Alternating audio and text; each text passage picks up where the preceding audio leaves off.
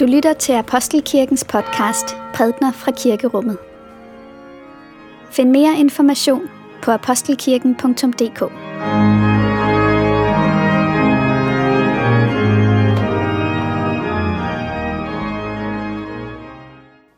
God morgen alle sammen, og velmødt til gudstjeneste, til streamingtjeneste her fra Apostelkirken.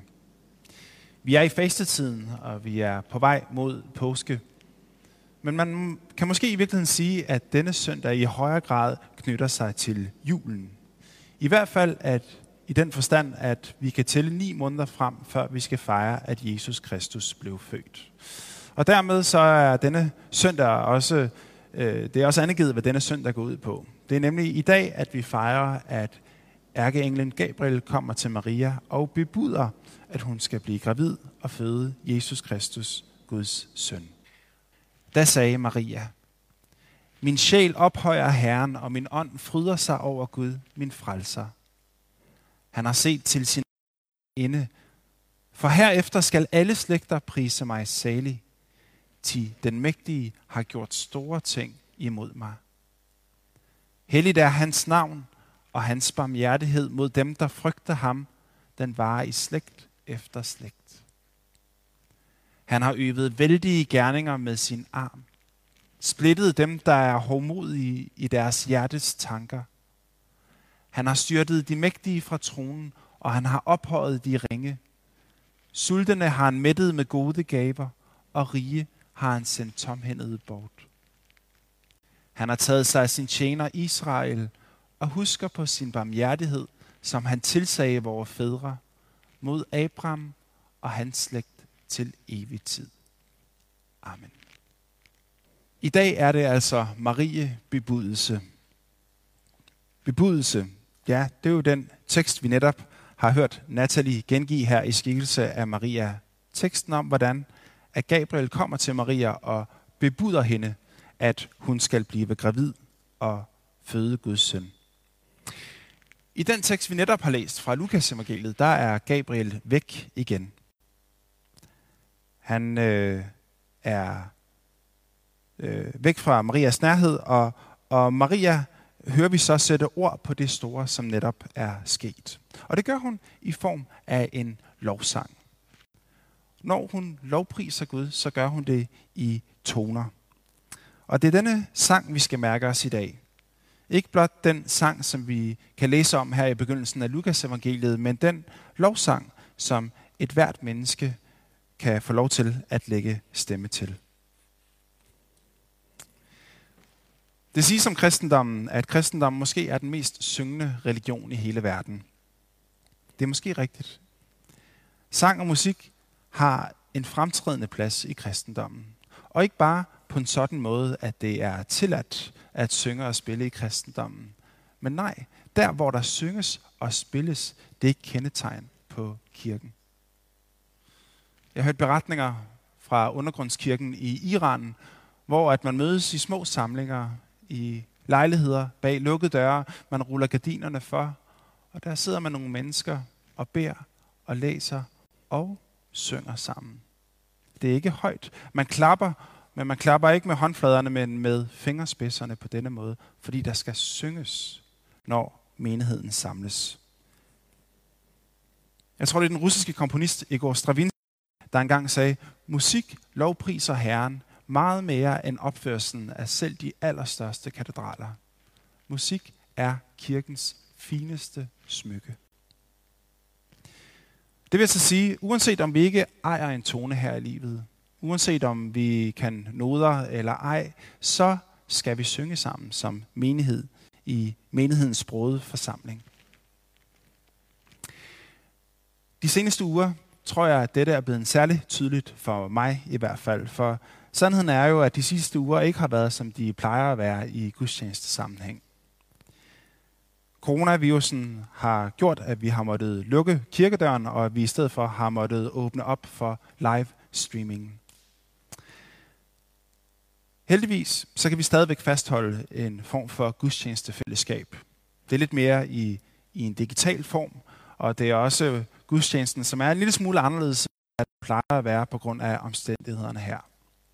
Meget kan overføres. Meget kan formidles ind i kameralinsen der. Men det allerstørste afsavn i det her setup er måske i virkeligheden sangen. Den mangler. Der er noget, der mangler. Vi er glade og taknemmelige over, at Lars, vores kirkemusiker, er med i dag, og han spiller med i dag. Men jeg tror, Lars også vil være den første til at sige, at sangen lider under de begrænsninger, som kirke og gudstjenesten er underlagt i disse dage. For det er nemlig som om, at, at selvom tangenterne bliver slået an henne på klaveret derhenne, og selvom I sidder derhjemme og synger med, så kommer det ikke i kontakt på samme måde, som det plejer at gøre. Og det er et stort tab. Hvorfor er det egentlig det? Er det fordi, at øhm, vi plejer jo at, at synge sammen? Vi kan godt lide at holde på formerne af den slags.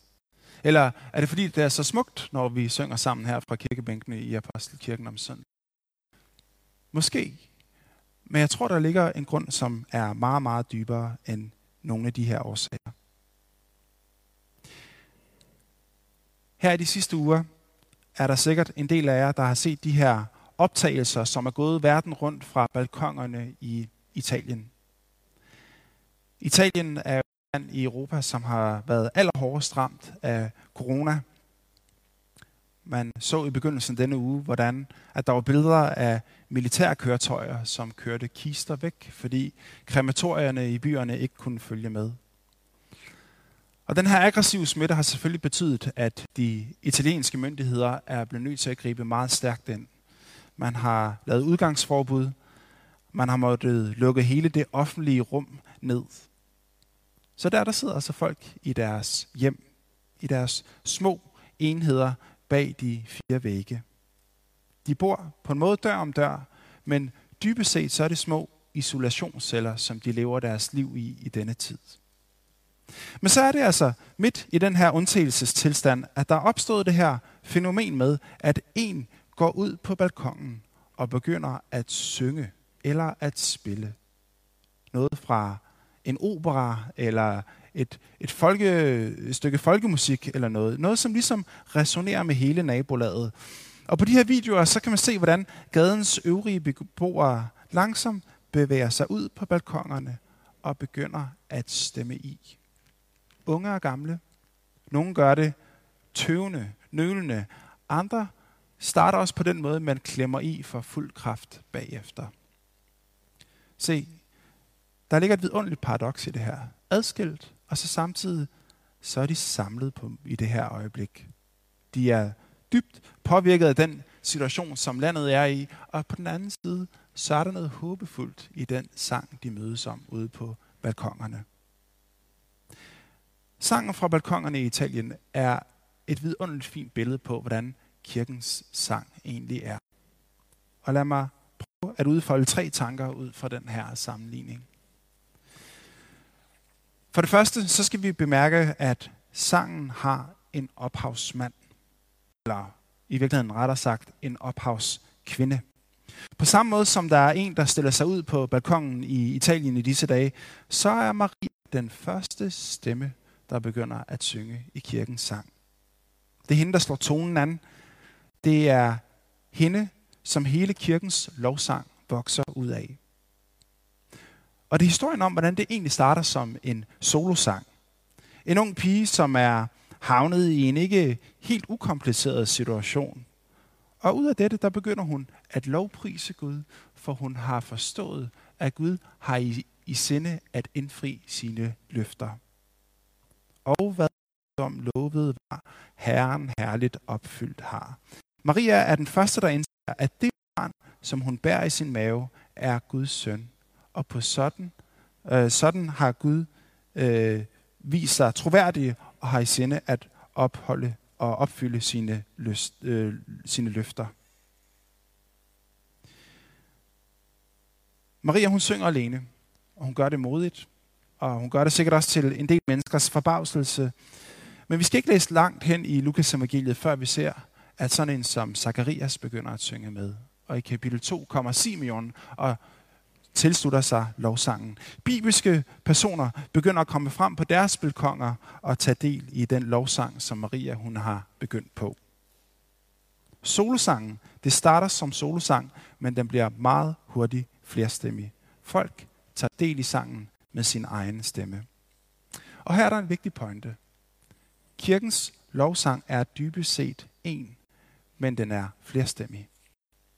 Det vil sige, at opgaven for mig er sådan set ikke at skabe og definere min egen form for lovsang til Gud.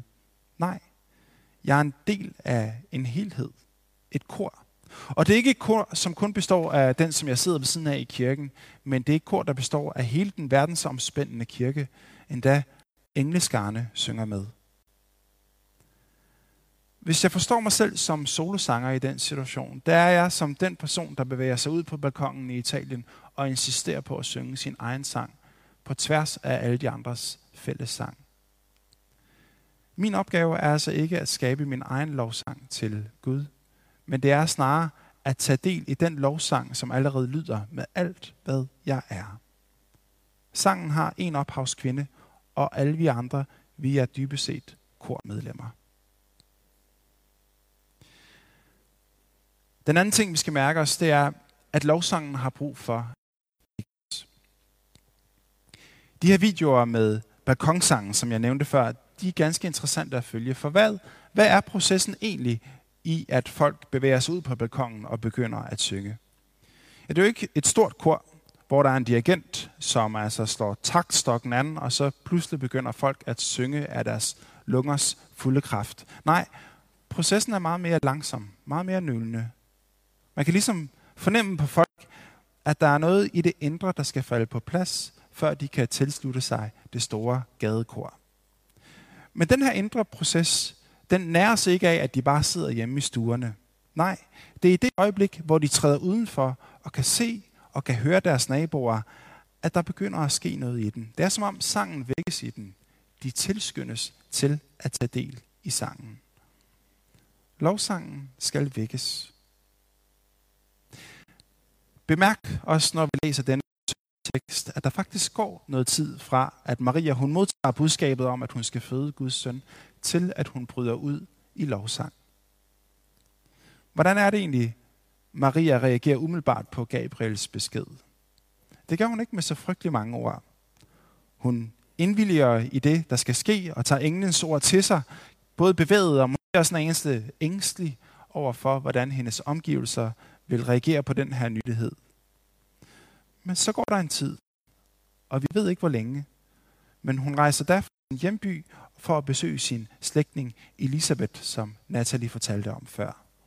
Elisabeth venter sig også under nogle ganske særlige omstændigheder, og det er i virkeligheden Elisabeths modtagelse af Maria, da hun når frem, som er den konkrete anledning til Marias lovsang. Da Elisabeth hilser Maria som den, hvor i Guds under har fundet sted, så svarer Maria med de ord, vi har hørt, min sjæl ophøjer Herren, og min ånd fryder sig over Gud, min frelser. Altså, Marias lovsang er strengt taget ikke en reaktion på Gabriels henvendelse, men snarere noget, der vækkes i mødet med Elisabeth.